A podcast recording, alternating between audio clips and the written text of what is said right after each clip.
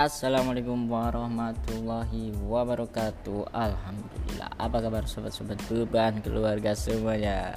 Di tengah kesibukan kita puasa Dalam rangka menyambut bulan Ramadan Nantinya kita akan sharing tulisan-tulisan Gus Dur dalam buku Prisma Pemikiran Gus Dur Di channel Fathul Kita Santri menulis Barokah Kiai Abadi. Tentunya dibawakan dengan saatnya. Semoga bisa memberi manfaat waktu rebahan kita semuanya. Allahumma sholli ala sayyidina dalam episode kali ini kita akan membahas tulisan Gus Dur yang kali ini bersama dengan Dr. Zamah Dovir di majalah Prisma yang berjudul Penafsiran Kembali Ajaran Agama Dua Kasus dari Jombang yang diterbitkan pada April tahun 1978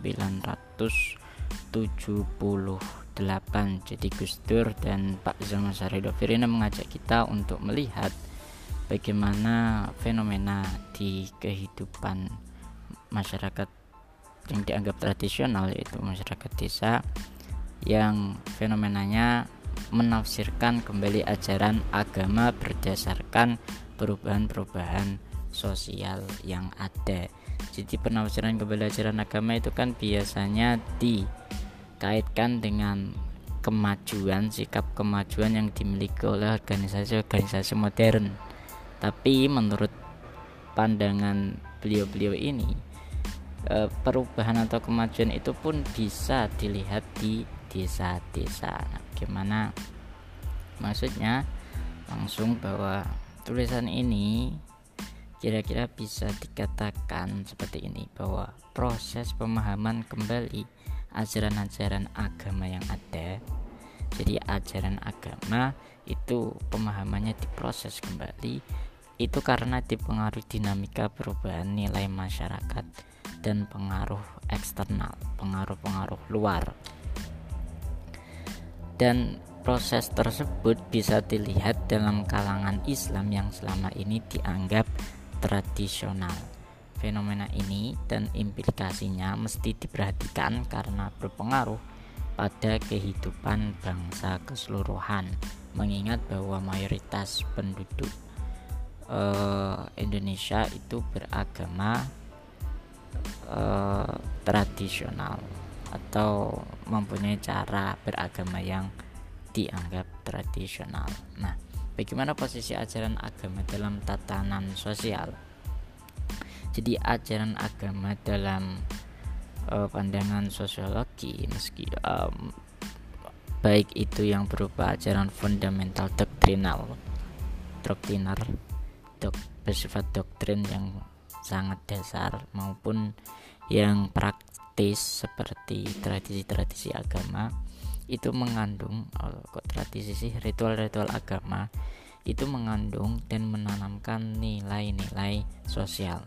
Jadi ajaran agama menanamkan atau menciptakan nilai-nilai sosial dulu. Jadi ajaran agama induknya turunannya itu nilai-nilai sosial. Nah nilai-nilai sosial atau kepercayaan yang diamini yang dipercaya oleh masyarakat itu nantinya membentuk cultural value system atau sistem nilai budaya di mana e, budaya atau kebiasaan masyarakat itu dipengaruhi oleh berbagai ide-ide gagasan-gagasan yang mana uh, ini cultural value system atau sistem nilai budaya ini sifatnya abstrak karena terdapat di pikirannya masyarakat. Jadi tidak bisa dilihat secara konkret. Nah sedangkan ajaran agama itu lebih konkret dari nilai sosial masyarakat. Lalu agama dalam pandangan sosiologi itu diasumsikan sebagai unsur masyarakat yang paling sukar dan paling lambat berubah atau terpengaruh oleh kebudayaan lain. Padahal kenyataannya kalau melihat konteks Nusantara justru agama itu jadi unsur unsur sosial yang cepat berubah dan mempengaruhi perubahan. Misalnya dulu di Nusantara itu mayoritasnya Hindu Buddha. Dan juga agama di Jawa itu ada agama Kapitayan kemudian berubah menjadi Islam lalu datanglah Kristen. Hindu Buddha juga mempengaruhi perubahan yakni seperti menyumbangkan tradisi apa Bharatayuda, Ramayana dan sebagainya. Lalu uh, Borobudur, bangunan-bangunan, sistem negara, tata negara dan sebagainya. Kemudian Islam juga menyumbangkan perubahan seperti uh, wayang kulit, gamelan, uh, karya-karya apa tembang-tembang yang diambil dari nilai-nilai Islam. Lalu bangunan-bangunan masjid dan sebagainya. Dan Kristen juga begitu menyumbangkan perubahan nah sedangkan mata pencaharian atau unsur mata pencaharian dalam teori sosiologi yang dianggap paling mudah justru di dalam konteks Nusantara itu tidak berubah. Nah agama yang mempengaruhi perubahan juga bisa dilihat dari bagaimana Turki kegagalan Kemal Atatürk di Turki dalam mereformasi negaranya karena ia tidak mau melibatkan Islam. Karena dia lebih condong ke sekularisasi yang melawan mencoba melawan Islam. Padahal Islam mempunyai uh, masyarakat mempunyai apa kekuatan yang tidak dilihat oleh Kemal Atatürk. Sedangkan di Jepang itu bisa maju teknologinya karena dianggap oleh Dur itu bisa memanfaatkan uh, kem, apa agama Sinto agama Sinto di sana dalam menjadikan sebagai motor penggerak perubahan seperti itu jadi agama itu penting dalam menciptakan perubahan sosial masyarakat. Lalu perubahan pemahaman ajaran agama. Jadi pemahaman meskipun tadi ajaran agama itu bersifat konkret, ya tetap stagnan mungkin, tapi pemahamannya itu bisa berubah. Ya, Al-Quran hadis dari tulis seperti itu, tapi pemahaman tentang Al-Quran hadis itu ber, bisa berubah seiring dengan berkembangnya zaman. Nah, apa sih yang menyebabkan perubahan pemahaman ajaran agama itu? Ada beberapa catatan. Yang pertama, itu bisa terjadi karena disebabkan perubahan nilai masyarakat ya. Meskipun tadi dalam uh, awal tadi itu kan ajaran agama mempengaruhi nilai masyarakat. Tapi di sisi lain nilai masyarakat juga mempengaruhi perubahan pemahaman ajaran agama. Misalnya seperti apa? Misalnya beberapa bentuk satu perubahan dalam masyarakat itu sendiri. Jadi misalnya dalam masyarakat agama itu kan ada pemuka agama. Pemuka agama kan mempunyai karakteristik tertentu. Ada yang keras, ada yang lembut. Nah, bergantinya pemuka agama itu kan bisa merubah pemahaman ajaran agama yang ada di masyarakat tadi. Yang tadinya kiainya itu keras lalu dipercaya oleh masyarakat kemudian digantikan oleh kiai yang lebih lembut misalnya dianggap lebih lembut nah itu kan bergantinya pemuka agama tadi bisa menyebabkan perubahan pemahaman ajaran agama.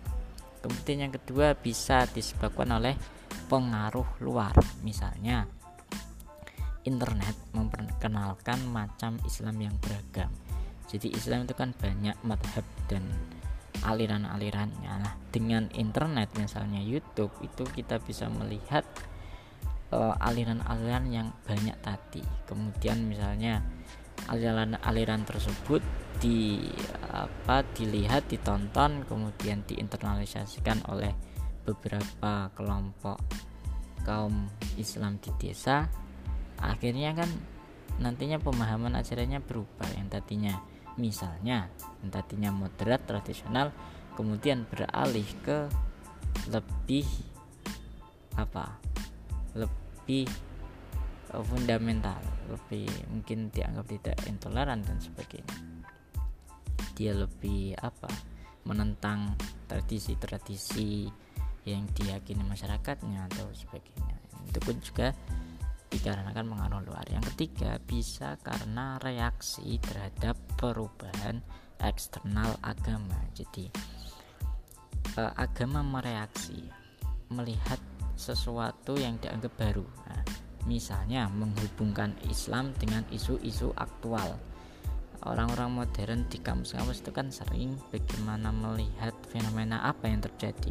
Misalnya fenomena globalisasi atau perubahan ekologi misalnya. Nah itu nantinya eh, biasanya cendekiawan Islam itu mencoba mengaitkan Islam eh, mencari ajaran-ajaran yang merespon isu-isu tadi globalisasi dan sebagainya. Nah e, nantinya hal tersebut kan mempengaruhi pemahaman ajaran agama juga sesuatu yang tadinya tidak e, terekspos dalam ajaran-ajaran agama nanti bisa e, diekspos atau digali lebih lanjut. Nah Selain karena itu tadi perubahan dalam masyarakat, perubahan pemahaman ajaran agama bisa terjadi karena dalam ajaran agama itu sendiri dimungkinkan adanya proses pemahaman baru.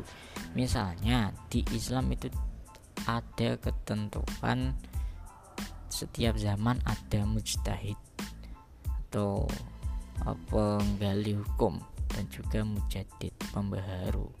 Nah, jadi perubahan itu bukanlah hal yang aneh dalam uh, dunia Islam karena sudah dikenal mustahid, mujadid dan sebagainya. Dan bahkan ajaran agama juga menumbuhkan periode baru dalam kebudayaan bangsa. Misalnya, Calvinisme dalam teori tindakan sosial Weber bagaimana Calvinisme ini dianggap ajaran dari Protestan yang bisa mempengaruhi uh, pemeluknya dalam menciptakan kapitalisme. Nah, itu kan uh, ajaran agama bisa menumbuhkan periode baru dalam kebudayaan bangsa. Atau misalnya di dalam konteks Indonesia itu Islam mempengaruhi menumbuhkan periode baru dalam budaya Jawa lewat Sunan Kalijaga misalnya. Jadi budaya-budaya Jawa sekarang itu e, merupakan periode baru dalam kebudayaan Jawa ya. Periode baru itu disebabkan oleh Islam. Dan setiap agama itu memiliki watak transformatif yaitu berusaha menanamkan nilai-nilai yang baru dan mengganti nilai-nilai yang lama yang dianggap bertentangan dengan ajaran-ajaran agama. Jadi selain ada perubahan dalam ajaran agama itu sendiri, agama juga e, sikapnya itu memiliki watak transformatif. Dia tidak hanya ingin berubah, tapi perubahan itu juga ingin menjadikan apa berusaha menanamkan nilai-nilai baru juga selain berubah juga ingin membuat sekitarnya berubah kira-kira seperti itu Lalu bagaimana kita melihat dalam konteks Indonesia tentang perubahan-perubahan ajaran agama tadi? E, menurut Snog Horgron seorang ini seorang kalau dalam sejarah Islam, sejarah Indonesia dan Islam tokoh ini itu bisa dibilang antagonis ya karena dia ini seorang ilmuwan ilmuwan sosial dari Belanda yang meneliti Islam. Ya sampai dikatakan dia ini tuh hafal Quran hadis. Sampai dianggap jadi ulama oleh orang-orang Indonesia dahulu sekitar eh, orang-orang Indonesia dahulu. Nah eh, ya itu tadi antagonis karena dia ilmuwan tapi dia meneliti Islam itu bukan karena ingin tahu tapi karena memang pekerjaannya untuk melihat uh, apa untuk dimanfaatkan oleh Belanda dalam melemahkan perjuangan-perjuangan umat apa perjuangan bangsa Indonesia yang dipengaruhi oleh Islam misalnya di Aceh dan Jawa. Kata dia kata Snok itu Islam Indonesia mengalami perubahan-perubahan yang fundamental Perubahan-perubahan itu demikian perlahan, rumit, dan mendalam sehingga hanya orang yang dapat mengamatinya secara hati-hati dan teliti yang dapat mengetahui perubahan tersebut.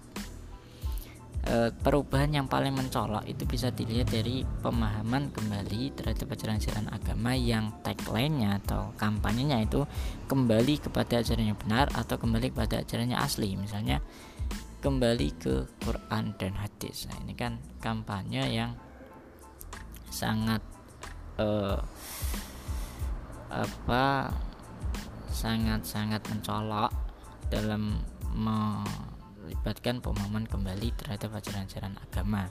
Jadi pemahaman pemahaman pada ajaran agama yang sudah ada itu ingin diubah kembali dengan tagline tadi itu kembali ke Quran dan hadis. Nah, perubahan seperti itu bisa karena ada tokoh eksponen pembaharu dahulu baru disusul organisasi reformasi seperti yang dilakukan Kiai Ahmad Dahlam dengan Muhammadiyahnya atau bisa disebabkan karena respon atas reformasi yang ada. Reformasi Muhammadiyah tadi direspon dengan organisasi baru seperti lahirnya NU tapi NU itu dalam sejarahnya bukan secara spesifik bukan Muhammadiyah ya, tapi lebih merespon uh, Wahabi di Mekah. Kemudian uh, kemajuan atau perubahan tadi, perubahan pemahaman kembali ya, pada ajaran agama itu biasanya dilekatkan pada ormas-ormas pembaharu kayak Muhammadiyah kayak Persis itu secara terang-terangan mentaklainkan tadi kembali ke Quran dan hadis dalam ADART-nya dalam apa uh, dalam memperkenalkan organisasinya dan sebagainya. Tapi menurut Gus Dur berkaca dari kata-kata Snowhorgen tadi bahwa perubahan di Indonesia itu perubahannya perlahan rumit dan mendalam jadi harus dilihat secara cermat. Nah, oleh Gus Dur itu mengatakan bahwa oleh Gus Dur dan Pak Zamasari ini kemajuan itu juga eh, disumbangkan atau bahwa sebenarnya para kiai desa yang dianggap tradisional pun sebenarnya bila diamati dengan seksama juga menyumbangkan perubahan-perubahan yang fundamental. Misalnya konsep barokah dengan ziarah kubur. Tadinya dianggap bahwa barokah itu diperoleh dari orang yang berada dalam kubur itu. Jadi orang minta pada kuburan. Nah, dengan pemahaman baru yang disumbangkan oleh kiai-kiai desa tadi bahwa diperolehnya barokah tadi itu bukan dari kuburan tapi diperoleh langsung dari Tuhan dengan jalan mengambil hikmah dari siklus kehidupan dan kematian yang direnungkan dalam upacara ziarah kubur tersebut dan itu juga bisa dicarikan dalil-dalilnya secara sahih. Nah, hal-hal seperti ini itu banyak terjadi di Jawa, misalnya tradisi tahlil, mitoni dan sebagainya itu tadi yang tadinya apa ada perubahan pemahaman tadi. Nah, itu dianggap Gus sebagai ini kemajuan juga. Ini bisa dianggap kemajuan uh, lebih lanjut tentang kemajuan berpikir kiai desa. Jadi kemajuan sikap itu bisa terjadi karena kiai desa merupakan perantara budaya atau cultural brokers di mana para kiai itu berdiri di antara dua alam. Yang pertama elit yang berwatak hidup kekotaan atau very urbanized elite dan kelompok petani tradisional di perdesaan atau very traditional peasantry. Nah Kiai ini dalam menerjemahkan aspirasi budaya kota atau urban cultures yang mulai merembes ke perdesaan, para kiai diharuskan dapat mencari dasar-dasar hukumnya yang sering kali melupakan hasil pemahaman baru terhadap ajaran-ajaran agama yang ada. Jadi kiai ini hidup di dua alam, hidup di tradisional dan di kalangan modern. Nah, eh, menjadi tantangan kiai untuk apa? Menggunakan mencari dasar fenomena fenomena fenomena modern. Misalnya pemahaman baru terhadap fenomena pemakaian smartphone. Jadi di musyawarah-musyawarah di pondok-pondok itu sering ada pertanyaan bagaimana hukum Al-Quran di smartphone? Nah seperti itu. Itu kan eh, apa? Dipengaruhi oleh hal-hal modern eh, kemudian eh, kiai sebagai perantara budaya itu menerjemahkan aspirasi tadi dalam bahasa-bahasa agama meresponnya dengan bahasa-bahasa agama. Kemudian kiai desa ini juga oleh Gus Dur dicatat sebagai kelompok yang paling cepat mengikuti perkembangan keadaan dan mengisi kesempatan-kesempatan kerja yang timbul di pedesaan yang justru adalah kelompok pemuka-pemuka agama atau religious elite. Jadi di desa itu kan ada fenomena uh, semakin modern semakin maju dianggap semakin maju dengan misalnya semakin banyaknya pilihan pekerjaan kemudian banyaknya anak-anak atau remaja-remaja yang meneruskan pendidikan ke sekolah yang lebih tinggi dan sebagainya. Dan itu justru kelompok yang dianggap mengikuti perkembangan paling cepat itu kelompoknya kiai. Dan memang kalau kita lihat di desa-desa itu anak-anak kiai desa itu juga eh, apa memperoleh pendidikan yang lebih tinggi seperti itu. Di samping kelompok-kelompok lain ya. Nah pemuka agama ini berpelan untuk mengambil dan menolak arus modern. Selain tadi meresponnya juga memilah-milahnya. Dilihat dari segi baik buruknya bagi masyarakat yang tergambar secara sentimental kata Gus dalam kaidah fikih yang sering dikutip oleh para kiai muhafadzatu ala qadim soleh wal akhdhu bil jadidil aslah mempertahankan tradisi lama yang relevan dan mengambil mengadopsi tradisi baru yang lebih relevan. Walau dalam proses itu proses pemilahan tadi muncul luapan emosi yang membuat eksplosifnya keadaan sehingga menimbulkan beberapa konfrontasi-konfrontasi yang terjadi pada zaman itu. Lalu sekarang kita coba lihat kasus dua kasus penafsiran kembali ajaran agama di Jombang. Jombang ini terkenal dengan tradisionalnya, Islam tradisionalnya, di mana banyak desa-desa di sana. Misalnya yang pertama fenomena berbedanya murid torekoh. Jadi pada waktu itu ada fenomena berpindahnya beribu-ribu murid torikoh Qadiriyah Naksabandiyah di desa-desa di Jombang, Kediri, Nganjuk, Malang, Gresik dan sebagainya dari la, dari guru lama ke guru yang baru di Cukir, desa tempat pesantren Tebu Ireng.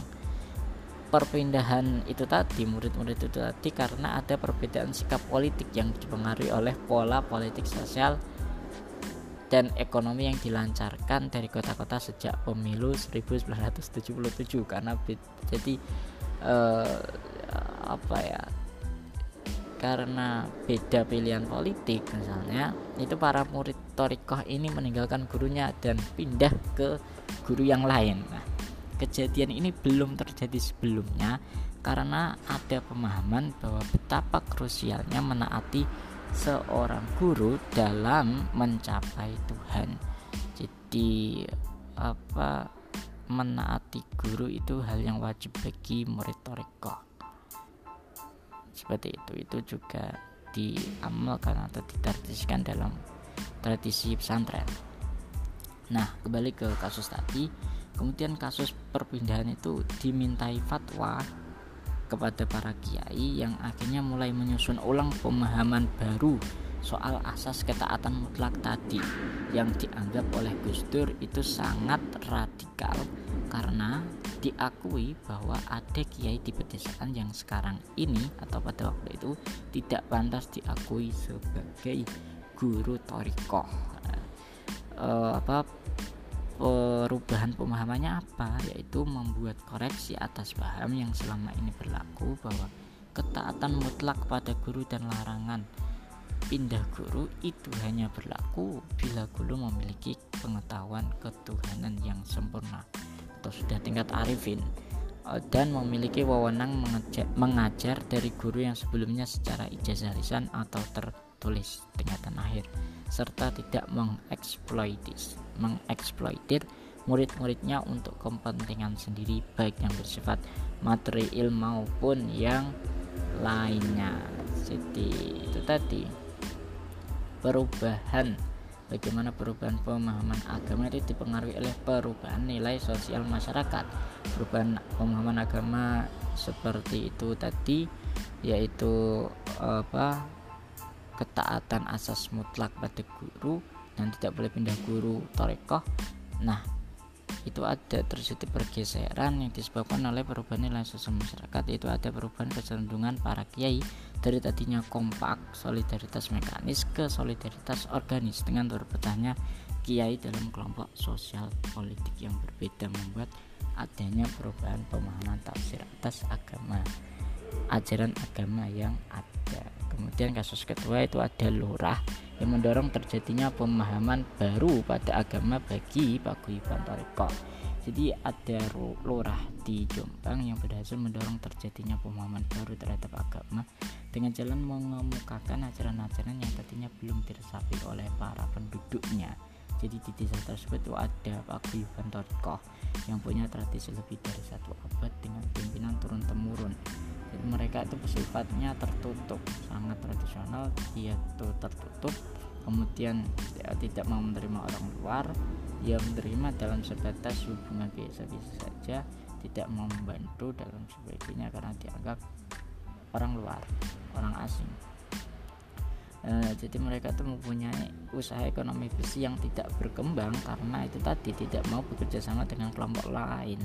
Nah lurah yang merasa apa rasa kasihan dengan hal tersebut ingin melakukan sesuatu dengan membuat adanya kooperasi tapi karena dianggap sebagai orang lain Pak Lurah tadi itu tidak diterima. Padahal Pak Lurahnya ini juga pintar agama karena sebelum jadi lurah dia juga lulusan pesantren nah lalu ia mulai memprakarsai pengajian mingguan dengan melibatkan pimpinan paguyuban tarekat tadi dan mengisinya dengan kajian agama yang diambil dari kitab-kitab yang diakui kalangan tokoh untuk mengkolaborasikan antara sikap dunia dan akhirat dan menerima sikap kerjasama dengan pihak lain dalam apa menata dunia dan akhirnya paguyuban itu bersedia membuat kooperasi dengan ketuanya dari orang luar paguyuban yaitu kepala sekolah di desa itu. Nah, ini fenomena ini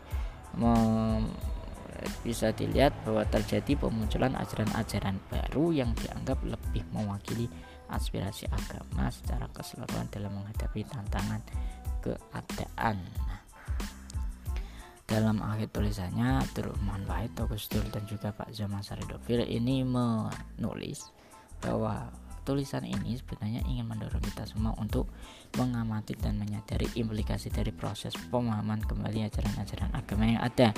Karena bagaimanapun juga proses itu secara keseluruhan akan mempunyai kaitan dengan kehidupan kita sebagai bangsa secara keseluruhan. Jadi kita diajak untuk melihat fenomena-fenomena di sekitar kita bagaimana fenomena yang menggambarkan uh, pemuka agama atau kaum agama itu mencoba uh, menafsirkan kembali ajaran agama yang dianggap sesuai dengan uh, apa kondisi-kondisi dinamika yang ada dinamis. Karena kondisi itu dinamis ya misalnya. Seperti itulah. Demikian episode kali ini terima kasih sudah membedahkan sampai di sini. Tetap semangat jangan lupa juga kesehatan semangat puasanya. Nantikan terus terus menarik lainnya dalam episode selanjutnya di channel Faktor Kitab Santri Menulis Barokah Kiai Abadi. Wassalamualaikum warahmatullahi wabarakatuh